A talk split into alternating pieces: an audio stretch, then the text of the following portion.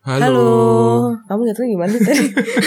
Mau halo bareng-bareng tapi ngitung udah 3, 4, 5 Aneh banget Bingung Ulang, ulang. Gak apa-apa, gak apa-apa Udah selesai, udah kan udah kompak juga Aku Ya gitu. ingin mengutarakan behind the scene aja Ini orang kan biasanya 1, 2, 3 halo gitu. Ini kok 3, 4, 5 gitu Mau ke mana arahnya Tapi belum ada selamat datang kembali di podcast Oh, iya. Waktunya. Selamat datang kembali di podcast Warkop Warkop Nyonya Nyonya.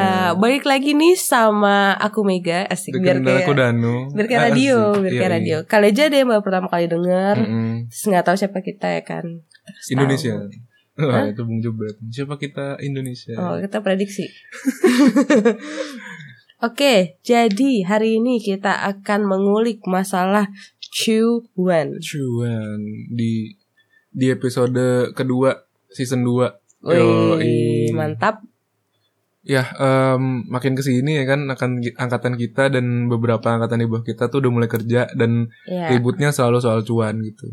Ya. Iya nggak sih? ya ya Dan em, masalah cuan ini unik menurutku. Em, dapetnya susah, Hmm, habisinnya gampang gitu. Betul Betul banget Dibalik gitu kan, dapetnya gampang. Ngabisinnya susah Iya. Karena mikir-mikir dulu Eh, gitu. tapi kan enggak gitu. Iya iya iya Dari situ akhirnya dibutuhkan skill untuk mengelola uang Hmm. gitu ya kan. Jadi episode hari ini akan berkisar seputar keuangan, gimana pengalaman kami Ya ya eh, dalam konteks keuangan dan ada sedikit cerita juga yang menarik terkait soal keuangan ini gitu. Kalau misalnya udah pernah dengar podcast yang episode aku sama Nika yang ngebahas tentang hedon kayaknya apa enggak ya? Beda. YouTube itu. YouTube ya. Pokoknya aku Hmm. bikin pernah bikin konten masalah em, jadi manusia hedon dulu Hmm. ya. Terus tobat Iya. gitu. Nah, ini mungkin em, apa yang terjadi dengan Mega lima tahun kemudian gitu. Setelah momen tobat itu. Mm-mm. Dan si hasil pertobatan ini dibawa ke dalam eh, rumah tangga ya. Alhamdulillah. Ya, alhamdulillah ya. Jadi di rumah tangga ini tidak banyak kehedonan yang terjadi. Karena begitu. kalau kamu sama aku pas aku lagi hedon-hedonnya kamu pasti wah aku lifestyle kita berbeda. Tuhan memang satu, lifestyle kita yang berbeda. aku kayaknya bukan geleng-geleng lagi sih kayak lebih ke headbang saking pusingnya gitu. iya bener, bener. Sedikit background story ya. Jadi kami ini udah hampir tiga tahun menikah Ya, dan sudah lama merantau gitu kan. betul. Kalau total merantau udah kurang lebih 10 tahun. Mm-mm. Nikah tiga tahun, Hmm. terus pacaran sekitar Sampai sekarang tujuh tahun. tujuh tahun. Udah kenal Gitu. tujuh tahun gitu lah ya. Nah, dan di dalam fase selama merantau ini udah kami cicipi berbagai macam kondisi keuangan gitu. Iya betul. dari yang Fresh. Fresh baru datang ya kan. Nah, tapi gini, kan kita memang berbeda ya. Mm. Kalau kamu kan datang ke sini dengan uang fresh di rekening tuh berapa 8 ribu euro Delapan gitu dulu ya. Mm. Kalau aku kan ke sini karena bukan pakai yang tabungan itu, Hmm. jadi aku ke sini nggak fresh duitnya. Mm. Kamu pakai penjamin ya? Tuh. Iya, pakai wali. Heeh, jadi nggak ada syarat untuk ngasih deposito delapan ribu. Ya, nah jadi uh, freshnya itu baru sekarang. Nah, dari dulu aku kayak uh, nyerempet-nyerempet busuk gitu keuangannya emang. Iya iya iya. Terus ya em, ya kondisi seret normal dan sekarang udah longgar. Dan Hmm. dalam kondisi masih jomblo, masih single Iya. maksudnya dan sekarang sudah berkeluarga. Mm-mm, Jadi lumayan berwarna-warni lah betul. soal keuangan ini. Betul, betul. Em, dimulai sedikit aja ketika kita dulu masih belum menikah, belum keluarga Hmm. dan ke kondisi keuangan di situ ya.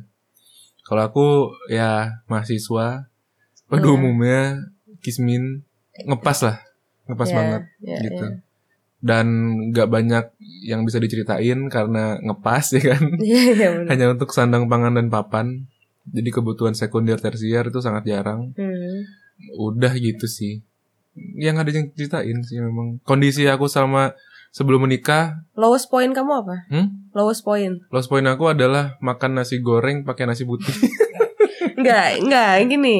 Itu karena finansial atau enggak ada motivasi untuk masak atau emang kayak ya udah buat survive doang gitu. Beda soalnya. Oh iya. Karena kalau karena sebenarnya ada duitnya tapi malas kan berarti bukan karena Iya. masalah finansial. lebih ke dua-duanya sih. Tapi em, kalau bikin persentase lebih gede malesnya. ya kan? Karena kalau beli sih masih bisa, maksudnya kayak beli telur gitu masih bisa sih. Ya. gitu dan aku kebanyakan masak selama fase pas-pasan dan fase-fase jomblo ini gitu masak sendiri Iya. gitu sih jadi ya mm, kebiasaan he- tidak hedon itu udah dipupuk sekian tahun sekian lama jadi akhirnya em, kebawa sampai sekarang mungkin gitu nggak terlalu yang gimana banget harus beli harus apa gitu Iya, iya, iya, iya. itu sih Ya, ini kan baik lagi ke Tuhan memang satu lifestyle kita yang berbeda. Iya. Kalau dulu aku waktu masih single, lowest pointnya adalah sampai aku tahu kalau beli chicken nugget isinya ada berapa. karena Jadi saking seringnya iya dan aku pokoknya sekali makan dua, Mm-mm. terus habis itu ada telur dan nasi. Dan itu menurut aku yang paling cepat dan paling murah. oh Gitu. mengetahui jumlah itu dalam rangka Ngeplan untuk ngeplan berapa ya? lama Oke, oke, gitu. oke, oke. Terus aku bisa makan kayak seminggu mie doang Hmm. kalau misalnya mie lagi diskon ya Hmm. mie doang gitu. Hmm. Gitu Tapi sih. kamu kok bisa hedon ya dalam kondisi? itu kan lowest point. Oke. Nah di mid point itu head on Hmm. gitu. Apa hedonnya contohnya? Baju aku lebih ke baju. Hmm. Summer sale gitu-gitu ya? Iya. Ngeri. yes, yes. Emang parah Kayak panik aja sih ngelihat. Wow Zara bisa sampai 100 ribu doang gitu. Hmm. Aku dulu punya, sumpah aku dulu punya celana neon Hmm. kayak kuning, pink, hijau, Hmm. merah. Itu beli pas diskon tapi nggak ada yang dipakai. Sampai akhirnya didonasiin. Iya. Gila ya? Iya. Makanya kayak Chaos wah, juga sih. parah sih, parah parah. Hmm, hmm.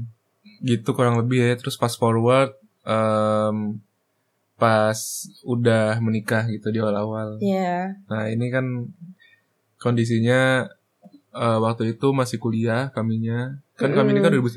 Mm-mm. Nggak lama setelah itu pandemi ya kan. Iya.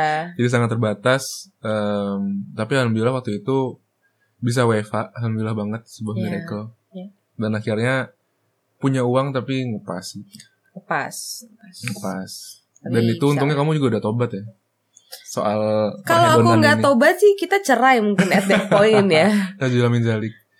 Eh, Kebayang Iya gak sih? stres banget sih. Ya, Aku pengen beli baju nggak ada duitnya, itu Mm-mm. mau nggak mau ya harus tobat Iya iya iya. gitu. Antara tobat atau pisah. Mm-mm. Aku mau summer sale tapi duit kita tuh cuma segini nggak Hmm. bisa. Aku tuh nggak bisa gitu. Mana kemarin statistiknya waktu pandemi itu kan banyak yang cerai kan. Jadi kayak Iya. makin aja ini jadi trigger gitu. Iya. Dan memang masalah finansial jadi momok utama kan kebanyakan Benar. gitu kan. Ya alhamdulillah waktu itu hmm, lewat lah. Iya. Gak terlalu gimana-gimana. Cuman memang eh, nggak banyak beli barang sih jadinya gitu. Hmm. Kalau kalian yang nonton YouTube juga ngeliat lah pasti bajunya ini ini aja gitu. Iya Ya iya kan? benar. Coba aja dilihat itu terus bajunya. Gak sampai sekarang. Sampai sekarang masih, gitu. Iya. Kalau aku kemeja coklat kotak-kotak flanel itu eh terus yang Iya. dipakai ya kan. Iya. Sampai sekarang. Em, eh, jadinya memang alhamdulillah banget dengan tidak punya kebiasaan konsumtif beli yang asal beli itu menyelamatkan keuangan kami yang rada-rada seret gitu. Fun fact-nya, Iya. menurut aku kita bisa kayak gitu di sini karena nggak ada marketplace yang menyediakan barang-barang super murah. Iya, iya benar. Gila, ini oh kita kan belum ada sponsor ya kita bisa Hmm. ngomong ya. Kalau misalnya Shopee, Iya. Mbak kemeja tuh kayak cuma seratus ribu, seratus lima puluh ribu. Ya ampun, aku baru satu bulan di Indonya udah udah mulai berasa nih cipratan-cipratan mau kena hedonisme. Hmm. Itu sebulan kemarin itu pertama kali kamu nyobain Shopee ya mungkin. Karena aku punya akun sendiri, Iya iya. iya. jadi aku bisa explore sendiri. Aduh. Bahaya banget kan. Nah, Bahaya tapi aku sih. punya trik nih. Iya. Jadi eh, kalau misalnya aku ngelihat barang bagus, aku Hmm. masukin keranjang dulu. Hmm. Terus nanti biasanya udah beberapa hari aku coba liatin lagi Hmm. mana nih yang masih aku suka gitu. Nah, curang memang Hmm. banyak toko-toko yang kayak Hayo, harus sekarang. Kalau enggak kehabisan. Memang banyak Iya, banget yang kehabisan. marketing. Cuman kalau aku ngikutin itu terus, akunya yang capek Hmm. gitu. Karena pasti pengennya beli. Hmm. Jadi aku yang bisa dirubah kan bukan marketing si brandnya Hmm. biar jadi lebih sustainable, tapi Hmm. gimana aku menyikapi ketika aku nggak kebagian gitu. Benar-benar. Aku mikirnya gini. Kalau misalnya ini emang aku nggak kebagian Hmm. beli baju yang ini nih gara-gara PO. Hmm. So selama seumur hidup aku sampai sekarang dari aku hedon sampai mungkin less hedon Hmm. itu pasti aku selalu nemu barang buat dibeli. Jadi Hmm. ketika itu habis ya udah pasti nanti ada lagi yang lebih bagus gitu. Benar, benar. Jadi Manifesting. manifesting jadi lebih biar apa ya biar lebih legowo gitu loh ketika nggak dapet Iya, gitu. benar. karena kan itu addicting banget ya Iya. Kalau menurutku pengalaman berbelanja itu yang gitu-gitunya kadang yang bikin kita edik gitu secara nggak sadar. Hmm, Perasaan gregetnya gitu. iya Em, aku nggak bilang sama kayak judi, cuman yang bikin judi gregetan tuh yang kayak gitunya kayak anjir hampir, hampir nih, hampir ya. nih. Si itunya yang dipermainkan oleh eh, pembuat mesin-mesin judi atau algoritma-algoritma judi gitu. Iya, Si perasaan itu yang ditimbulkan terus penasaran sehingga pengen coba lagi, pengen coba lagi gitu. Akhirnya terjebak. nah makanya kan kita sempet tuh em, bikin apa namanya bikin konten tentang Hmm. gimana caranya untuk menjadi less hedon gitu Mm-mm. karena nggak bisa dipungkiri barang-barang yang nggak penting tuh menggiurkan sekali Iya. gitu. Belum, belum lagi godaan lucu ya kan bentuknya, Nah, itu- itu- warnanya. kalau aku nggak tahu ya ini kebaikan cewek soalnya Hmm. lucu gitu Hmm. Terus kayak apa sih dipakai nanti gitu Mm-mm. Mau perabotan rumah tangga yang dari yang penting sampai nggak penting, ya kan baju, kerudung, Hmm, wah macam-macam dah, macam-macam. banyak banget. Itu di YouTube ada sih eh, lima tips eh, anti hedon kalau nggak salah. Iya, Boleh iya. dicek.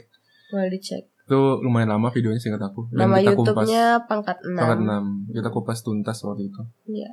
Em, dari situ yang kita share adalah pengalaman pribadi gimana caranya nahan-nahan segala macam dan emang bener di sini marketplace yang menggoda tuh jarang gitu paling yang lazim digunakan kan Amazon, eBay. eBay gitu itu Tapi enggak itu juga nggak murah-murah banget. iya bener dan enggak se menggila yang kayak di Indonesia Shopee kayak gitu gitu kan. Oh, apalagi yang kasus-kasus pay later itu, itu Wah, promosinya itu sih. banyak banget. Oh, iya. Iya. Aku belum sempet make sih. Kalau kamu gimana? User experience-nya?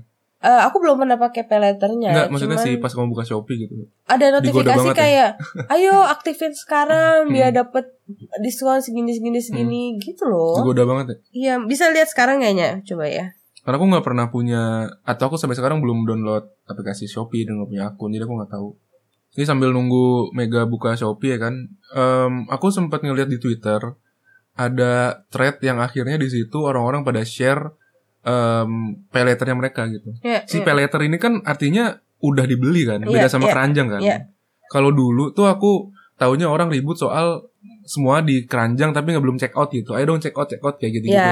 Nah setelah itu berevolusi nih masalahnya Berevolusi menjadi si pay letter ini gitu Dan aku ngeliat di situ Orang pada share screenshotan dari akunnya mereka gitu Yang di mana ada pay letternya di situ Hmm. Jumlahnya Aku tercengang sih oh ya. Iya jujur li Karena ternyata orang dalam tanda kutip nabung utang di situ ada yang 2 juta, 1,8, ada yang 3 juta, 4 juta, 5 juta gitu. Itu kalau dipindahin ke euro ya.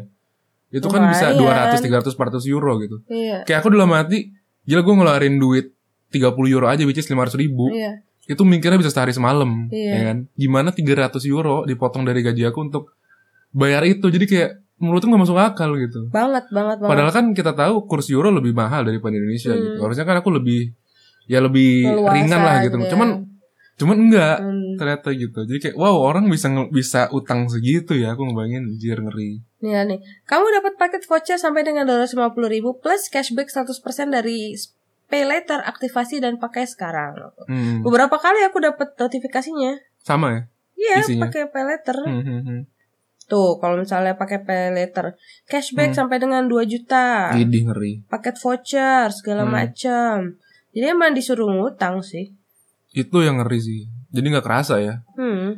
seratus ribu seratus ribu seratus ribu udah juta ya tiba-tiba Iya. terus pay letter lagi harus dibayar kan mau nggak mau Iya, da- barangnya sih dapat sekarang. gitu. Mm-mm. Nah, kecuali kalau memang kita nih pernah juga pakai pay later, Mm. tapi case-nya itu adalah eh, kita mau pulang ke Indo, Mm-mm. terus kita harus eh, Tes. PCR, Hmm. ya.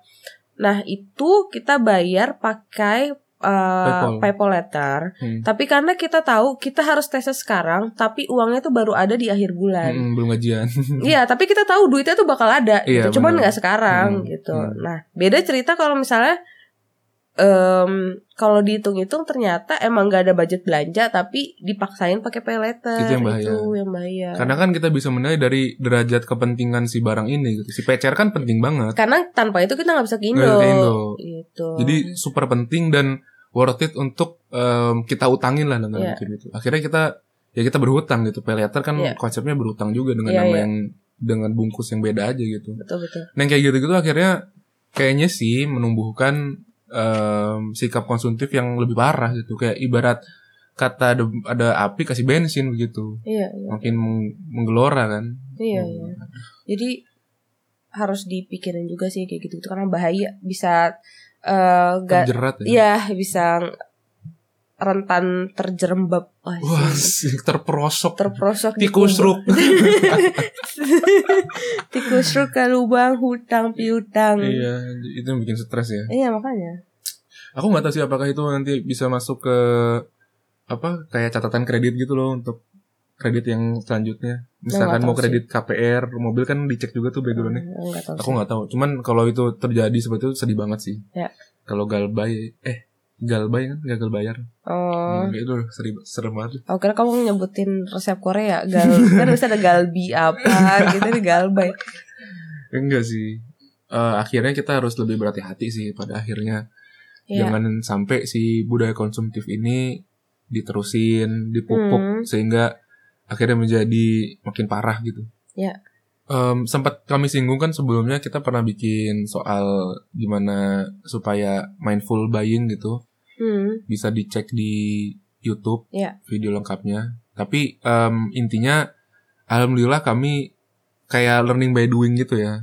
Apalagi setelah menikah gitu, jadi harus lebih banyak kompromi karena kebutuhan ya jadi kali dua lah gitu. Ya berarti istilahnya. menjadi pas-pasan adalah eh, cara belajar tercepat untuk bisa manage keuangan Iya gitu. iya iya benar-benar. Tapi memang lebih em, gimana ya?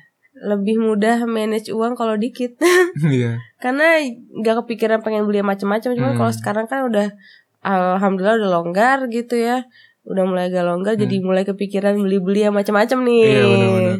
Ini udah oh, di otak aku tuh udah udah air fryer, eh, terus Air purifier juga. air purifier, humidifier tanaman, udah Terus kayak aduh eh, pengen beli hair dryer travel, tripod. Kemarin kita habis ya. check out ini eh, dorongan belanja. Dorongan bela- itu menurut aku Penting. prioritas Iya. karena tulang kita, punggung kita cuma satu. Sayangilah. Sayangilah tubuhmu Iya, ya kan. ya gitu-gitu sih. Em, terus ya pada akhirnya dipaksa oleh keadaan Ya. harus lebih cermat, harus lebih cerdas dalam mengelola keuangan. Alhamdulillah, aku sempat nemu satu buku, mungkin kalian udah tahu semua, bukunya eh, Robert Kiyosaki. Itu aku Hmm. baca. Jadi dari situ aku belajar yang paling penting adalah soal aset dan liability. Hmm. Apa tuh kayak asset and liability? Si aset dan liability ini dibedakan eh, dengan kita lihat returnnya gitu setelah kita beli barang ini. Hmm. Kalau misalkan barang itu memberikan sesuatu balik ke kita, itu bisa dibilang aset. Ya. Tapi kalau liability bisa dibilang seperti lintah yang eh, menghisap pundi-pundi cuan kita gitu. Iya, benar-benar benar. Contoh deh contoh. Contohnya misalkan em, liability itu kayak eh, mobil gitu. Di satu sisi dia bisa jadi pembantu kita untuk bermobilisasi, Hmm. tapi di sisi lain memang dia harus isi bensin, ganti oli, servis apa segala macam. Jadi Ya. kayak intinya dengan beli mobil itu duit kita berkurang di situ, Ya. nggak nambah secara tidak langsung gitu ya. Ya. Em, karena setelah kita beli kan eh, nilainya harus langsung turun 20-an persen gitu kan. Jadi em, ya udah pasti rugi gitu. Ya. Dalam tanda kutip terlepas dia bisa em, ngebantu kita bermobilisasi segala macam ya. Nah, em, lawannya adalah aset. Hmm. Itu adalah sesuatu yang kita beli. Aset show, jing jing jing. di, eh kamu, kamu ketahuan anak ini banget. Terus aku lurusin gak? Takutnya dia gak ngerti nih. Iya boleh. Itu ada- aslinya adalah Asep Show ya? Iya. Eh, Asep Show ya? Iya. Iya itu di TPI. Iya. Kan udah gak ada TPI itu. Iya makanya ketahuan banget kan Iya. umurnya. Terus lanjut. Em, jadi aset itu dibeli dan si pembelian ini akan ngasih return ke kita gitu. Iya. Kayak misalkan em, saham kayak gitu gitulah, Iya. Reksadana em, dan lain-lain. Ini cemiu banget ya teman-teman kalau misalkan kayak kalian ada yang lebih paham coba boleh dikasih tahu ke kami nanti kalau perlu dikoreksi kami koreksi. Cuman kalau lebih kayak gitu yang aku Fun pahami. fact, dulu aku kira cemim itu kayak cemewew. Jadi kayak Pacar. aneh banget iya. Kok orang tiba-tiba konteksnya aneh gitu kayak lagi ngomong terus Hmm. tiba-tiba cemewew kan kayak Iya, nggak pas gitu. Ternyata correct me if I'm wrong. betul. Tapi kan lebih gitu yang aku pahami. Nah dari situ akhirnya em, menambah apa ya? Menambah mindset di otak kita sehingga ketika mau beli barang itu jadi lebih cermat dan lebih matang strateginya gitu kan. Iya. Nah, si aset ini bukan cuman kayak investasi atau Reksadana gitu. reksadana gitu. Tapi bisa dari hal-hal yang kecil juga. Misal kayak kalau misalnya kita beli akses untuk em, online class, Hmm. bisa juga karena kita in returnnya dapat edukasi yang mungkin Hmm. bisa kita aplikasikan ke kerjaan atau ke hobi yang menghasilkan atau Oh, iya. sebagainya. Benar. Ah, terus misalnya atau juga em, aku sih mikirnya kayak em, pergi ke psikiater Hmm. itu bisa juga karena kan membuat kita jadi lebih sehat dan Iya. akhirnya bisa berfungsi Hmm. dengan lebih baik gitu. Karena kan aset kita yang paling mahal ya diri kita sendiri gitu kan. Benar. Nah, ada juga nih salah satunya kita mau ngasih contoh adalah kita em, beli PC waktu Hmm. itu.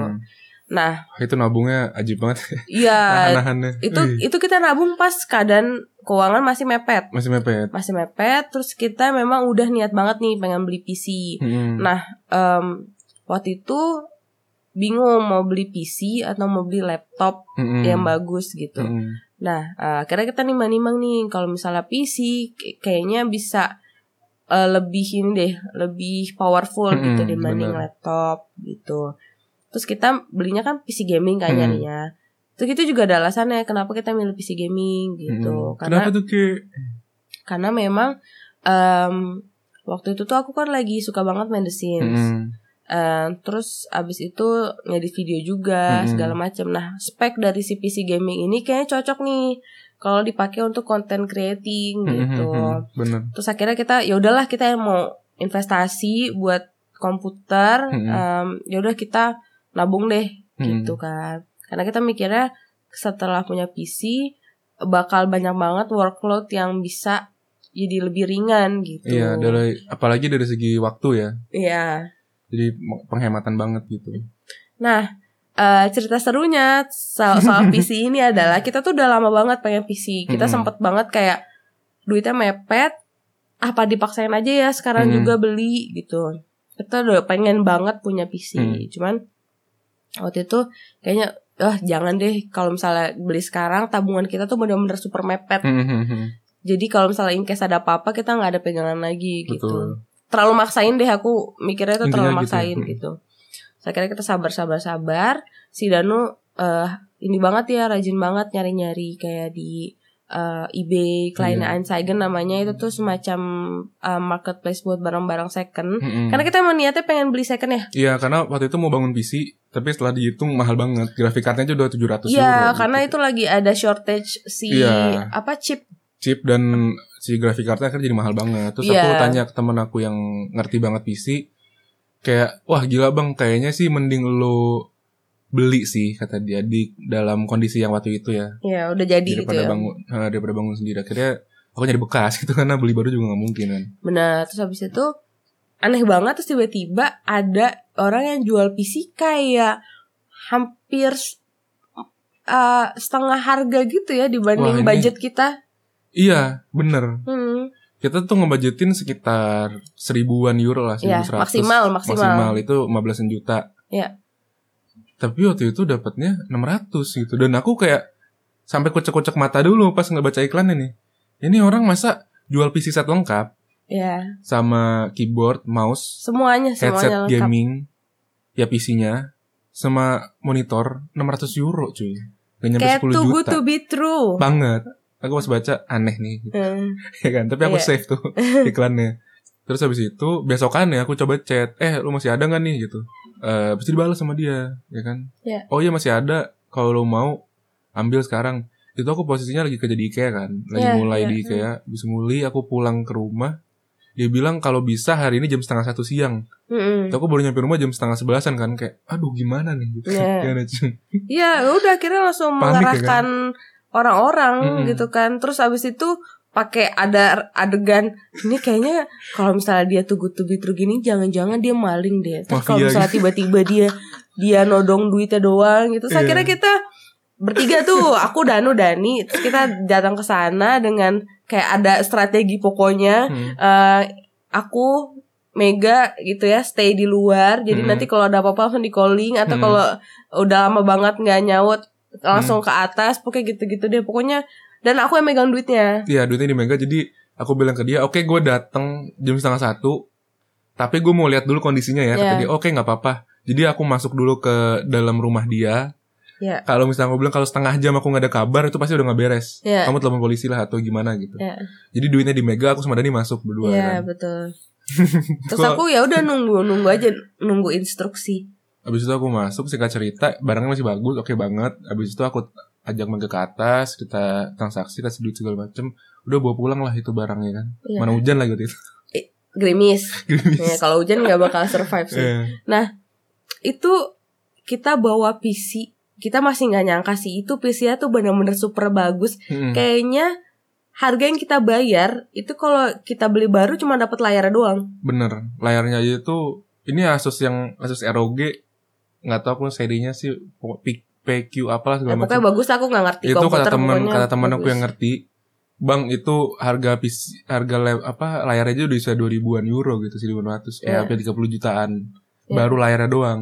Terus mouse-nya sama headset headset gamingnya sama eh keyboardnya itu yang merek Razer gitu yang Pokoknya- sebijinya 250 euro gitu Kayak satu bagus barangnya. banget deh Parah sih. kita sebutin merek juga Kalau misalnya banyak yang nggak tahu ya Pokoknya Hmm. intinya Kita masih nggak nyangka ini tuh good to be true Dan beneran berfungsi sampai sekarang Alhamdulillah Alhamdulillah. Dan eh, yang mau kita fokuskan kan Bukan spek si komputer ya Cuman apa yang bisa kita achieve pakai komputer ini gitu Bener. Dan kalau aku pribadi sih aku ngerasa ini tuh jauh lebih bagus atau jauh lebih efektif dibanding aku ngedit di eh, laptop. Karena Iya. misalnya eh, file vlog gitu. Hmm, Kalau di laptop tuh mungkin aku bisa kayak setengah jam hmm. ngerendernya.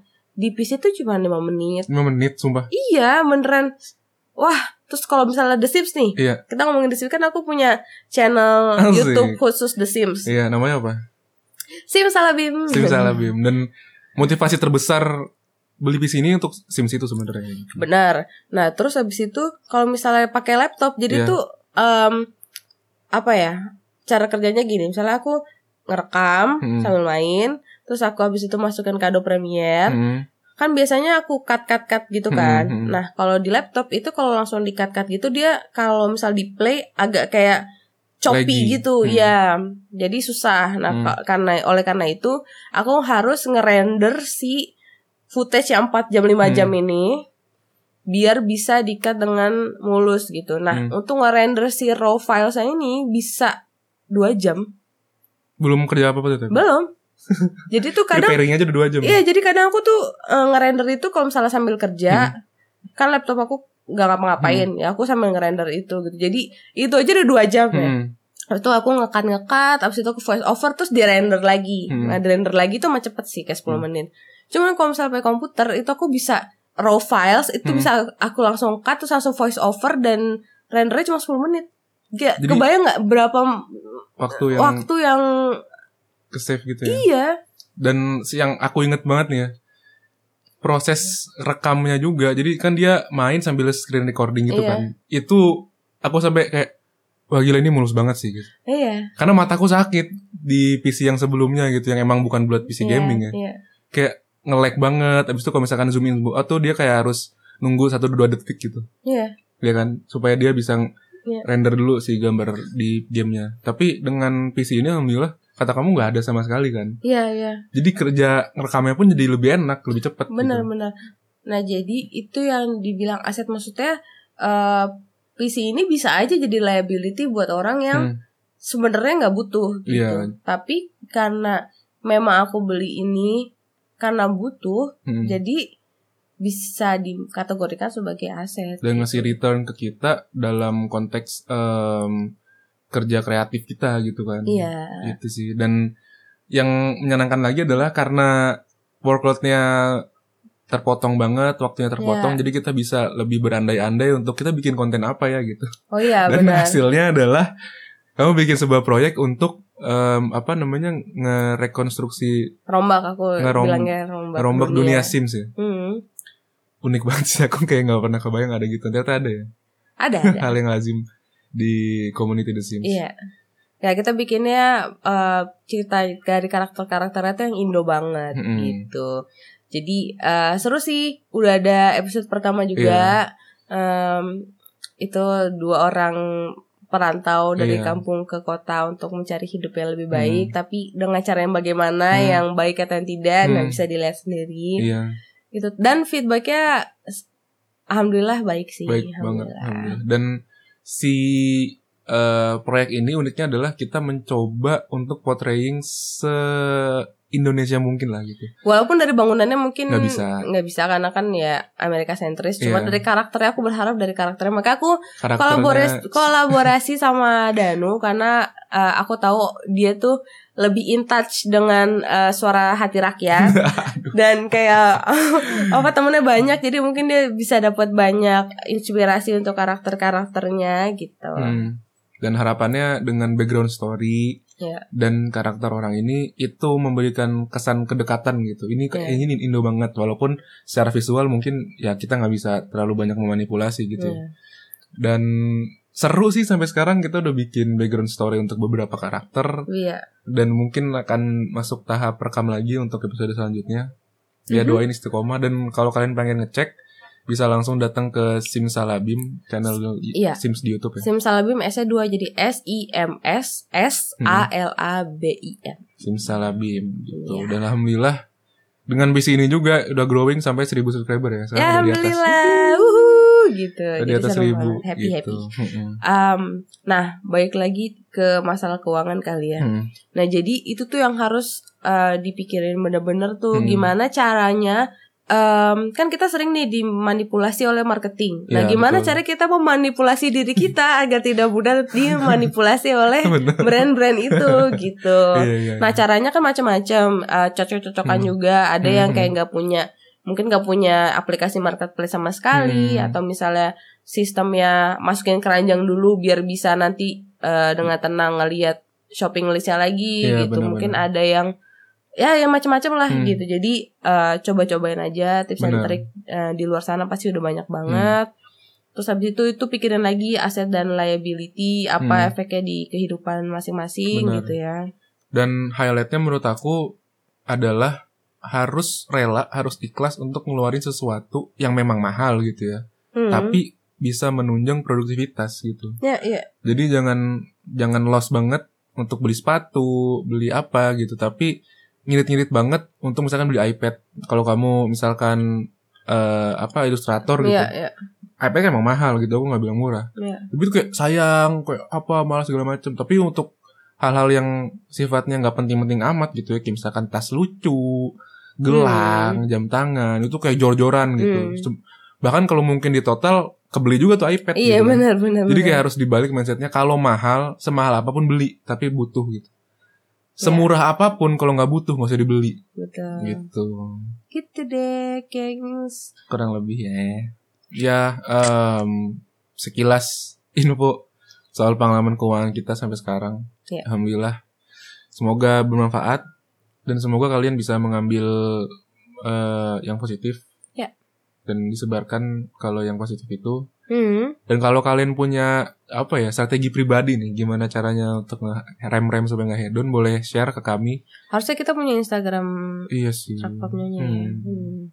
Mungkin ada uh, di sebagai pendengar yang kak aku mau deh jadi um, konten manager gitu buat Hmm. warkomnya boleh sih Iya. kirim-kirim Uh, nanti kita bisa perbincangkan lebih lanjut. Mm-mm. Ntar biar ada Instagramnya. Iya. sampai sampai sekarang masih belum sih sayangnya. Oke lah, Hmm. gitu aja. Terima kasih udah dengerin. Sampai ketemu di episode selanjutnya. Dadah. Dadah.